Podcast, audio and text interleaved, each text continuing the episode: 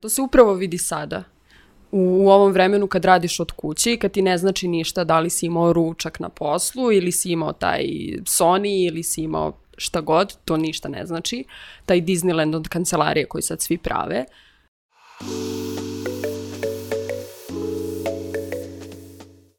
Ćao ljudi, dobrodošli u još jednu epizodu Netokracijinog Office Talks podcasta.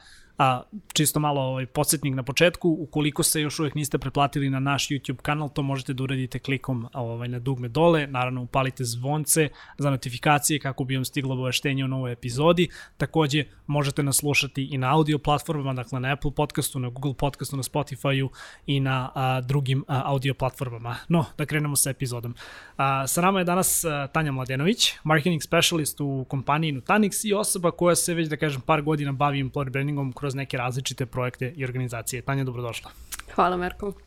A, tema i kao povod zašto si ti danas sa, sa nama u ovoj epizodi a, jeste kako bismo se dotakli te teme, kako bismo zapravo razgovarali o, o načinu na koji se domaće IT kompanije takmiče za najbolji kadar, A, dakle, pored plate, a, govorit ćemo o tome šta su benefiti, šta su neke povlastice, koliko zapravo te stvari utiču na to da jedna kompanija može da privuče najbolji talent, a, ali naravno govorit ćemo i o tome da li su te stvari danas bitne u vreme globalne pandemije, u vreme kada manje više svi radimo ovaj od kuće. A, je sad, a, za početak, zašto su kompanije odlučile da se isključivo pored neke visoke plate koja je dominantna u ovoj industriji, mm -hmm. a, bave i tim nekim drugim benefitima, pa čak i ono dobrim vrhunskim projektima kako bi prosto zadržale talent. Odakle je krenula uopšte ta ideja? Pa konkurencija je valjda toliko velika da jednostavno nije dovoljna visoka plata i manje više uh, većina IT kompanije nudi negde slične uslove, to jest benefite i povlastice i onda moraju po nečemu da se izdvajaju. Uh, ono što ja negde često naglašavam kad god se bavim ovom temom je da postoje neki uslovi koji su neprikosnoveni i koji su najbitniji. To su naravno plata, naravno projekti kojima se bavite i naravno tim sa kojim radite. Sve ostalo je lepo da se ima, dakle te neke povlastice su super da postoje, ali nisu nešto što će nužno da prevagne da li biste otišli u firmu A ili firmu B. Um, tako da zato je negde i bitno da se kompanije izdvoje ako već ispunjavaju ta tri prva uslova, da se potrude i oko ovih ostalih, ali naravno bez ova tri mislim da možete da imate šta god od povlastica da neće biti dovoljno. A kad već pričamo o tome šta nude mm -hmm. i o svemu tome. Reci mi, uh, moj utisak je da često mešaju, odnosno brkaju, da kažemo tako narodski, povlastice i perks. Kao, da zapravo benefiti i benefit, povlastice. Da, da, benefite i povlastice. Reci mi šta su zapravo benefiti, pravi benefiti, a šta je to sve lepo što ide sa strane kao što su suši i ceđeno pomoranđa i tako te stvari? Pa u suštini to možemo baš sada da vidimo kada eto svi većinom radimo od kuće, vidimo šta su benefiti. Benefiti je ono što je ostalo, dakle, plate, projekti, tim sa kojima radimo, to je nešto što je konstantno i što se nemanje, zdravstveno osiguranje. Da li smo imali stoni tenis, to nam sada ne znači ništa. Da li smo imali teretanu na poslu, to nam sada ne znači ništa. Tako da sve je to nešto nice to have, ali nije nešto što će nam promeniti život, ne znam nijakoliko bitno. Ne pravi suštinsku razliku Upravo. u suštini. Da. A recimo, ako već sad mogu kao da govorimo o tim ono, benefitima i o tim nekim mm -hmm. možda glupim, sporednim stvarima, a, dosta dugo si već ono kao u IT-u, znamo se i pre nego što si došla ovaj u Nutanix, znamo se već dugi niz godina, što je super. A, I negde si imala zapravo dobar skup da vidiš kako se industrija razvijala, kako su se zapravo razvijali oglasi za posao, kako se čitav taj, da kažem, ono, HR marketing sektor razvijao, kako su negde kompanije shvatile da više ne mogu samo da ovaj, puste običan oglas za posao, nego da moraju negde da se oglašavaju i zapravo da sve to, da kažem, delimično, ono, u veći ili manji meri bude deo neke njihove strategije zapošljavanja. A, koje su, da kažem opet neke najuniverzalnije stvari, koje su to neki najuniverzalniji benefiti sa kojim, koje su prosto kompanije nudila svojim zaposlenima, a koje su bili možda da kažemo ovaj neki onako dosta, dosta ovako uh, egzotični benefiti koji možda iz ovog trenutno, ono, iz ovog ugla u ovom trenutku se čine kao potpuna besmislica. Sa čime si se, hoću da kažem, sa čime si se zapravo ovaj, suočavala sve tokom godine? Pa u suštini, uh, prvi oglasi za posao koje sam tamo čitala neke 2014. 13. 14. 15. recimo, su bili poprilično generički i poprilično su nudili iste stvari. I generalno iz oglasa za posao nisi ni mogao da razumeš šta oni zapravo to nude. To su one benefiti na kraju i piše, ne znam, dinamično radno okruženje, što i dan danas niko ne zna šta je, uh, fleksibilno radno vreme, što opet niko ne zna šta je, da li je klizno, da li je zaista fleksibilno ili to znači da ćeš da radiš do ponoći. Um, Je se navodila redovna plata kao re, redovna plata, uh, redovna plata i kompetitivna zarada što ne može da znači ništa ako mi nemamo jasnu predstavu dosta, dosta lep stupa. korporativan rečnik, moram da, da priznam. Da. I to je sve trajalo, mislim da i dalje traje. Redko koja kompanija se trudila da negde izađe iz tog okvira i da napiše šta zapravo oni, oni nude. E, tačno se i videlo negde da oglasi koji, na primjer, istaknu tačno koji je raspon plate, da prolaze bolje, da ljudi na to više klikću, da se više prijavljuju, jer jednostavno to skraćuje proces i vreme zapošljavanja jednog kandidata dosta, jer ti znaš da li ćeš da se prijaviš na osnovu te plate ili ne. Ali to je kao samo neki vrh i ono što je, što je osnovno. Uh, s druge strane, sada se malo to i menja, jer eto, svi radimo od kuće i negde jeste do sada i bio benefit kao možete da radite od kuće, sada se to negde promenilo.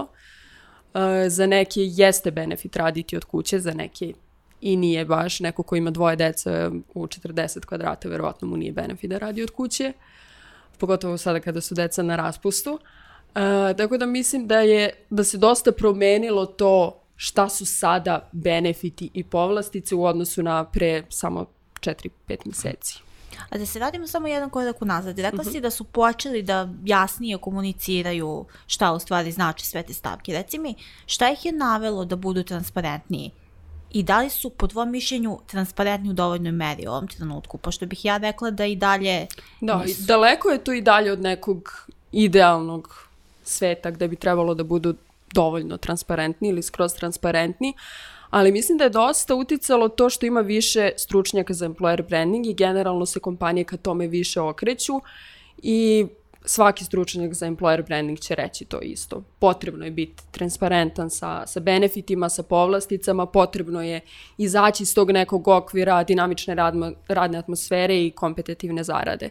Uh, tako da mislim da je to u velikoj meri doprinalo tome. S druge strane, mislim da su i sami videli da je teško zaposliti drugačije da oglasi kao takvi ne služe gotovo ničemu, kao služe za neku vidljivost, taj oglas stoji na nekom infostudu i to je lepo, ali kao da li ti zaista dobiješ kvalitetne prijave preko tog oglasa, potrebno je da uradiš nešto više od toga od generičkog oglasa koji ćeš tamo da, da postaviš, tako da mislim da su krenuli ka tom smeru, da se više bave employer brandingom, da se više bave tim oglasima, da, da više komuniciraju, uh, Sad, da li je to dovoljno, opet kažem, verovatno ne, ali ide se u tom smeru. A Marko, ti takođe pratiš industriju jako dugo, već 8-9 godina, čak i više. Da.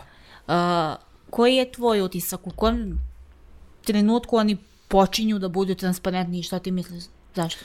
Pa, znaš šta, mislim, kao što lepo Tanja rekla, da smo dostigli negde taj vrhunac, ovaj, da jednostavno, znaš, kao, limiti nas je po pitanju talenta, uslovi su se mnogo ovaj, popravili, mislim, evo, kao, pričali smo baš u jednom od prehodnih podcasta, a, koliko su a, različiti projekti, različite neke platforme, zapravo, ovaj, poput Tala, pa, pa i druge, ovaj, opet negde podigle cenu rada, tako da ti ako pogledaš danas cena satnice programera, može da se meri sa onim što je ta cena iznosila možda na, u nekim zapadnim zemljama Evrope pre samo par godina. Tako da kažem, čitavo tržište je odskočilo.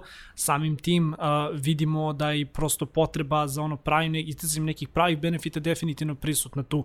Ja bih samo rekao da ovaj, ako pogledam možda tokom godina, vide, mislim, sećam se nekih zaista fantastičnih oglasa, sećam se nekih ono employer branding tekstova na nekim onako tradicionalnim ono, uh, dnevnim medijima gde su IT kompanije zapravo isticale ovaj sebe, pa je tu ne znam bila ovaj, eh, imamo bazen na krovu i kao takve da. neke stvari. Znaš, ako pogledaš, mislim da su, da su to kao stvari koje realno postaju ono izuzetno smešne, ako gledaš iz, iz ovog ugla industrije, ali valjda negde si vremenom shvate da kao, hej, znaš, ovakav ono laički pristup tome da li će neko zaista da igra ono kao Stony tenis ovaj, na, na poslu ili da igra Sony, mislim da su to ono things koje su ono good to have, u smislu ako zaista želiš sa kolegom da imaš taj neki ono zabavni moment tih nekih 15 minuta ono kao posle tvoje pauze za ručak kada na kraju dana biraju se znači uslovi, na kakvim projektima radiš, koliko si plaćen i koji su opet drugi neki benefiti koji tebi mogu da poboljšaju kvalitet i standard života. Isprime, da, upravo, da, grešim, da, definitivno da.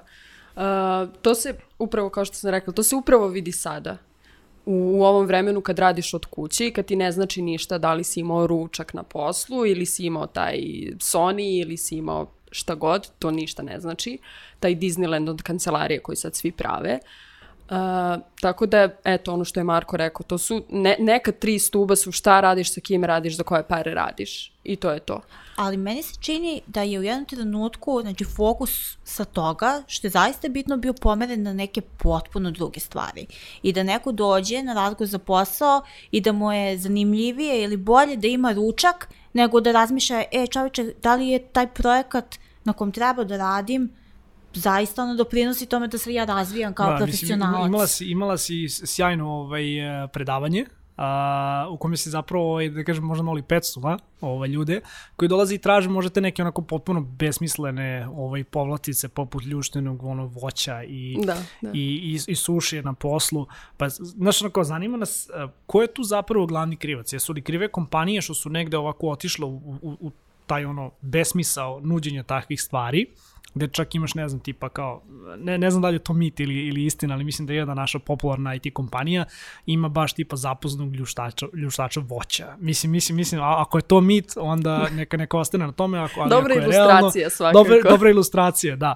Ali ovaj, kao, ko je zapravo tu krive? Su li krive kompanije koje su negde shvatile kao, ok, sad moramo ono gomilu nekih ono kao ovaj, ono, fun stvari da ponudimo našim ljudima ili su tu zapravo krivi ljudi što su taj neki onako stvarno ok, ono set uh, povlastica odlučili da odvedu ono u neku krajnost koja je totalno, totalno nepotrebna. Pa mislim da ima više krivaca. Uh, s jedne strane jesu krive kompanije, to jest ljudi koji se stalno trude da, da budu bolji od ovih drugih, da bi privukli kandidate. S druge strane, nekog ozbiljnog programera nećete privući ljuštenom naranđom, sigurno. Neko ko ima verovatno 10 plus godina iskustva, verovatno, to jest manje verovatno da će odabrati takvu kompaniju. Uh, s druge strane, mislim da je uh, veliki krivac da su i mediji, generalno ta priča, kao ti se baviš programiranjem, kao to možda naučiš za 5-6 meseci, završiš neki kurs od dva meseca i ti kao imaš 1000 evra platu i kao oni očekuju da je sve tako lepo i sjajno, a nije. Tako da je i to dobar deo krivice upravo pripada medijima, tim ljudima koji organizuju te neke Da li misliš, kurseve. da, da li misliš da, da, je, da je deo te medijske krivice a, pa, može glup naziv, ali nešto kao pornifikacija radnog mesta u smislu da svaka kancelarija mora da izgleda na Google, da moraš da imaš ono lazy bagove. Da li misliš da možda je odatle krenuo taj prvi neki talas ono obesmišljavanje radnog mesta kao takvog? Definitivno, definitivno. Ja se, ja se sećam mojih komentara kada sam tek počela da radim, kako je tebi strava, radiš iz lazy baga, kačiš na Instagramu slike kako igraš stoni tenis, tebi je na poslu strava. Pa ne, kao to apsolutno ne mora da znači. Uh, I mislim da je to definitivno jedan veliki krivac što je sad kao ti okačiš na Instagramu da je tebi strava jer, ne znam, pikaš Sony dva sata na poslu. To nije posao. Da, ostalih šest ili, ili više umireš ono jadan da, za kompjuterom. Da. Što je zapravo dobra referenca ako pogledaš na primjer danas generalno Instagram da imaš ovaj, ne znam, kao treba blogere, vamo, namo, znaš, kao svi kačete neke lepe momente, niko ne kači zapravo ono što je suština ovaj, njihovog da. života, da. Upravo. Joj, ono, što, ono što je sve zanimljivo, ako gledamo sa neke makro tačke, to je mm -hmm. možda upravo kada traže tako neke stvari, dokaz da smo mi kao tržište i dalje nezreli. I ja se nadam i mislim se nešto da će to ono sa godinama da se menja. Tako da ne znam kakav je vaš stav po tom pitanju kada, kada bi vas neko pitao da ocenite uh, na kojoj skali razvoja je domaći IT, pošto znamo da je po startup genomu naš startup ekosistem još aktivacijona faza. Generalno kada bi vas neko pitao što se tiče uh, ne samo sa aspekta benefita, nego generalno mhm. poslovanja mm -hmm. i IT tržište u Srbiji koju bi ocenu dali? Baš me zanima. Ja ne bih kvantifikao tu stvar. Ne znam da li sve da kažem naglas. Ne znam, ne bih dala neku, neku visoku ocenu sigurno. Ne samo sa strane benefita, nego generalno mislim da nije, da nije dovoljno da, da nije dovoljno razvijeno. Mislim, mislim da nam nedostaje i projekata i znanja i reinvesticija tog nekog kapitala. Da. Mislim da nam pre svega nedostaje, on ne činim ništa protiv outsource industrije, ali mislim da nam nedostaje ono još veći broj nekih uspešnih ovaj produkt kompanija. Ovaj ja se iskreno nadam, evo baš nedavno je bila priča, da. da, baš nedavno je bila priča u Hrvatskoj gde su dobili kao prvog ovaj jednoroga, znači svi su negde mislili da će to ovaj godinama se pričalo o tome kako bi to moglo da bude Bela Bit.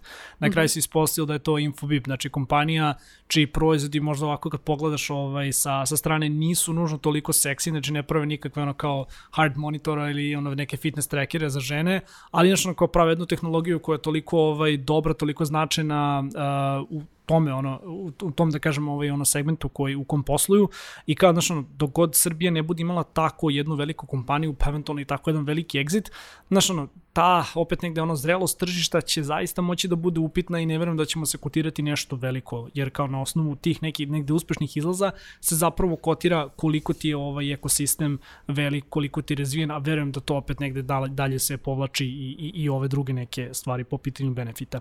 Ali ono što, što sam hteo da te pitam Znači kao došla je ta korona, Mm -hmm. uh, svi smo i dalje ono u nekakvom lockdown režimu. Prepostavljam da i vi ovaj, još uvek ne radite, ovaj, da, da se niste vraćali u kancelariju, jel ne, da? Ne, nismo se vraćali i ne planiramo skoro. Da. Pa tvoja priča se negde podudara sa, sa pričom ono, gomile drugih nekih kompanija sa kojima smo razgovarali i svi su negde odložili tu odluku ovaj, ono kao prvo za septembar, pa neki za novembar, oktobar, decembar. Prosto ne zna se jednostavno šta će, šta će ovaj biti. A, I sad kao imaš kompanije kojima negde posao nužno ne opada, posao ili raste tom nekom ovaj, stabilnom uh, putanjom ili je, da kažemo, ovaj, izrazit rast sada u, ovo, u ovom trenutku, ali eh, šta te kompanije zapravo sad mogu da ponude ljudima pored ovaj, ono kao plate i dobrog projekta, znači da li postoje uopšte neke, neki benefiti koji mogu ono, ponuditi, jer kao ipak razmišljamo o tome da svi sedimo negde kući i kao koliko je zapravo teško da ono onboarduješ takvu jednu osobu. Ono što je meni, ja se izvinjam, bilo zanimljivo, na potpuno ono za nas neviđeno svemirskim naprednim tržištima, Švajcarska, na primjer, ili Nemačka, neki poslodavci svojim zaposlenima plaćaju kao kiriju ili neki troškove života, po Bogu rade kod kuće. Da, da kod nas da. isto da... bilo da kao neki, neki ono poslodavci odbili kao razmišljaju o tome da ne znam, kao uvedu a, kao nekakve vouchere ili dodatnu novčanu, ne mogu kažem pomoć, ali kao dodatno novčana sredstva za, na primjer, čišćenje stana ili tako nekih stvari. Što je opet onako jedan jako dobar način za razmišljanje o tome koji, ono, da li te zaista kompanija podržava i da li zaista brine o tome da tvoj životni standard bude veći. Da. Uh, generalno se jeste dosta promenila situacija u, ovom, u ovo ludo vreme uh, i mislim da definitivno ima prostora za uh, kreativnost u planu, u, po planu benefita i povlastica. Recimo, uh, radno vreme koje, ne znam, konkretno meni se izgubilo radno vreme. Ja više ne znam šta mi je radno vreme kad sam kod kuće. Nekad je 8, nekad je 10, nekad je 12, nekad je 6 sati. Uopšte nemam predstav, jer kao sedim i radim, kao ne izlazim nigde. Uh, tako da definitivno postoje neke stvari na kojima može da se poradi. Da li je to plaćanje kirije ili, na primjer, uh, dobar primjer je kompanija Buffer, Oni su dakle remote od samog početka. Tako da su oni baš dobar uzor možda šta treba slediti. Jer oni imaju i jak tim, a rade remote od samog nastanka, ne znam koliko je to već godina. Oni imaju, dakle, uh, posebna neka putovanja gde se timovi okupljaju, ne znam, jednom ili dva put godišnje, budžet za kancelariju, plaćen internet, upravo to plaćenu čistačicu, šta god. Tako da definitivno ima prostora tu. Mislim da, eto, konkretno šta sam ja videla da je velik problem, to su upravo ljudi koji rade iz stanova, a imaju decu koju ne mogu da pošalju u vrtića i suprugi supruga rade, šta da rade sa decom. Uh, tako da treba gledati koje su to bolne tačke sada kada sedimo kod kuće. Da, kada sedimo u ofisu, rešili smo im sve. Imaju kafu, imaju ručak, imaju da se opuste, imaju gde da rade udobnu stolicu, ajde sad to da prebacimo na uslove kuće. kuće Šta da. to njima fali tamo. Tako da ima prostora, ali uh, osim nekoliko kompanija nisam primetila da se nešto drastično tu menja, da, da kreću da oglašavaju malo više te benefite, jer kao što rekoh, nekima jeste benefit što rade od kuće, nekima to nije. Tako da mislim da i to treba prilagoditi negde, pristupiti individualno osobi na osnovu njenih godina, bračnog statusa, na osnovu toga koliki mu je stan u krajnjoj liniji, da bi negde ti benefiti upravo to pomogli da ta osoba da maksimum i radi najbolje što može kao da bude produktivna jednako koliko i u, i u kancelariji. A koliko, ti je, uh, koliko je to po tvojom mišljenju realan scenario za naše tržište, budući da znamo da i marketing i HR odeljenja su kod nas one man show, više ne toliko, šire se, ali i dalje ima jako malo ljudi koji se time bave. Koliko je to u stvari posla za njih i misliš da to može da se izvede? Pa mislim da jeste izvodivo, ali uh, kao što smo već malo pre rekli, nismo na toliko visokom nivou Nivou, da. da bismo to radili, ali verovatno da ćemo morati u neko skorije vreme to, time da se pozabavimo, jer to je ono što će ljudi gledati kada apliciraju za vaš posao. Da li će vam, ako već radite od kuće, da li će vama život biti lakši ili će vam biti teže samim tim što morate da radite od kuće tvoja neka predviđenja, mislim, jako mi je interesantna ova tema, mada znam da verovatno nemaš ovaj kao ono tanki rešenje ovaj, za, za taj problem, ali gledam baš generalno i u netokraciji ovde kod nas, pa kao i kod naših kolega u Hrvatskoj, jedan deo firme tamo, dakle, već ono jeste malo zreliji, to su da kažem većina ljudi sa, sa, pa, sa porodicama, ovde kod nas još da kažem nismo ovaj, uplivali u te vode, ali kao sedim razmišljam i kao da, definitivno ono godinama smo govorili i preklinjali sve negde ovaj, ono kao poslodavce, hej, ono, dopusti nam da budemo i fleksibilni, dopusti nam da, da radimo od kuće, verujem da je zapravo negde middle management, ovaj, da su ono project manageri negde bili možda u strahu da puste prosto ljude mm -hmm. ovaj, da, da, da budu remote. Znam da je to jako veliko ovaj problem, evo nekako se sad pokazao da je ipak ok, da može da se prevaziđe pa da čak i da su neku ruku ovaj, ljudi produktivniji, ali uh, jako mi je interesantno i kao iskreno hoću ti pitam ovako za tvoje neko lično mišljenje, možda tvoj neki lični predlog, kako bi firme mogle da odreaguju na to da, na primjer, ok, imaš jedan deo zaposlenih koji ono jesu kući sa malom decom, možda neko, neko ima stariju decu, nasuprot tome da imaš kolege koje su možda mlađi ili koje samo žive sa, sa ono, dečkom ili devojkom, jednostavno su sami možda ima lakše da rade od kuće. Da li veruješ da bi ono, ukoliko se steknu pravi epidemiološki uslovi, pa i nadalje, mogli da imamo taj neki ovaj model da imaš prosto jedan, jedan deo ono, populacije svojih zaposlenih koji dolaze na posao, drugi deo koji prosto ono, sedi i rade od kuće, da znači imaju potpuno tu neku fleksibilnost i da li bi opet negde možda pozvala kompanije da ukoliko se već ne stiču ono, to, to jest ukoliko ne mogu da se steknu pravi epidemiološki uslovi, da možda a, taj neki budžet koji su imali isplaniran za ovu godinu, ovaj, ono, umesto na team building i na takve neke stvari, možda, ovaj, a, da kažem, u, u sresrede ili upute na to da roditeljima sa malom decom na neki način pomognu, ovaj, makar kada da kažem briga o deci ovaj, stvari. Dosta, dosta znam ljudi koji ovako, eto kažem, imaju decu i stvarno im je problematično da rade od kuće, znači za njih rad od kuće nije nikakav benefit. Pa definitivno, ja mislim da to jeste neki pravac u kome treba ići, da se negde taj pristup individualizuje, ako mogu tako da kažem, da ako imate ljude kojima odgovara to što su kod kuće, oni jednostavno nastave da rade od kuće, jer eto, ovaj period je upravo dokazao to, moguće je raditi od kuće, moguće je da je produktivnost ne opadne, da proizvod ne trpi, da rad ne trpi, da timovi ne trpe, dakle moguće je, dokazali smo, ajde sad da vidimo kome šta odgovara, i definitivno ni, ne osjećaju se svi komfortno da se vrate sad u kancelarije. S druge strane ima ljudi koji su možda i preležali već koronu pa bi se i vratili u kancelarije, neki koji se osjećaju komfortno da se vrate i tako da mislim da je to dobar put za, za kompanije da razmišljaju tako, jer je to negde dobro i za jednu i za drugu stranu. Dakle, niko neće trpeti, ni oni koji imaju malu decu i oni koji žive sami, kojima je super da rade od kuće, da jednostavno ne kao eto 80% kompanije uživa da radi od kuće, ajde i ovih 20% da trpi zbog toga. Ne, mislim da je taj neki dualni princip po kome možeš da biraš da li ćeš da radiš 3 dana iz kancelarija, dva od kuće, mislim da je to negde i, i budućnost na duže staze. A reci mi, da li misliš da će prosto te neke promene, mislim, nam da dosta stvari predviđamo sad ovde, ali nema veze podcast je, pa imamo tu slobodu. Ovaj, da li misliš da će, kako vreme bude prolazilo, negdje i kompanije shvatiti da im možda nisu potrebne tolike kancelarije, da možda negdje ipak mogu da se downsize-uju ovaj, po Mislim pitanju da su već shvatile to. Jel da? Pa eto, Google do juna sledeće godine će biti remote, svi Twitter remote. Dosta Ja sam- velikih kompanija se odlučuje da radi remote, dakle, očigledno je moguće raditi remote i da ništa ne trpi, tako da ve verovatno se mnogi kaju što su uložili velike Znači, pare. delimično da, delimično kancelarije odlaze u prošlost. Da. Ja mislim da def, definitivno, još sam jutros pročitala, nisam sigurna za koju kompaniju, da svaki zaposleni će dobiti tipa 500 dolara ili 500 evra za opremanje kao svoje lične kancelarije, što je sasvim cool pristup da izdvojiš određeni budžet i ako znaš da se ne vraćate u kancelariju, a znaš da nećeš plaćati team buildinge i Da. ručak ili tako nešto, da onda ono, Da, to je, do, to je dosta, to je dosta. To je sjajna stvar. da.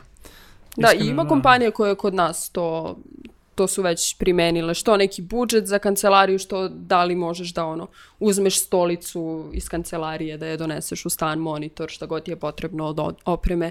Tako da mislim da je taj pristup već negde tu, samo je mislim potrebno oblikovati, ako je sudeći po zapadu, ide se ka tome, verujem da ćemo u nekom trenutku i mi, nadam se da nećemo previše kaskati za tim. A reci mi, danom se ja, a reci mi, ovaj, spomenula si već dva puta stvar, mislim, meni svakako stoji ovde u tezama, pa evo i, i, i to da te pitam, da otvorimo i tu poslednju temu, ovaj, sad kako, kako smo već stigli dotle, personalizacija benefita, to je personalizacija znači tog čitavog nekog iskustva koji je zapravo paket mera koji ti dobiješ. Možda, kao, mo- možda svi ne vežbaju teretani, možda svima ne treba zapravo ovaj, ono kao članska karta u teretani, možda ne treba svima mogućnost da, da rade od kuće. Ka, kako veruješ da će ta personalizacija ono kao tih nekih benefita, povlastica i generalno tog nekog paketa koji zaposleni ovaj, ono, budu dobijali u budućnosti.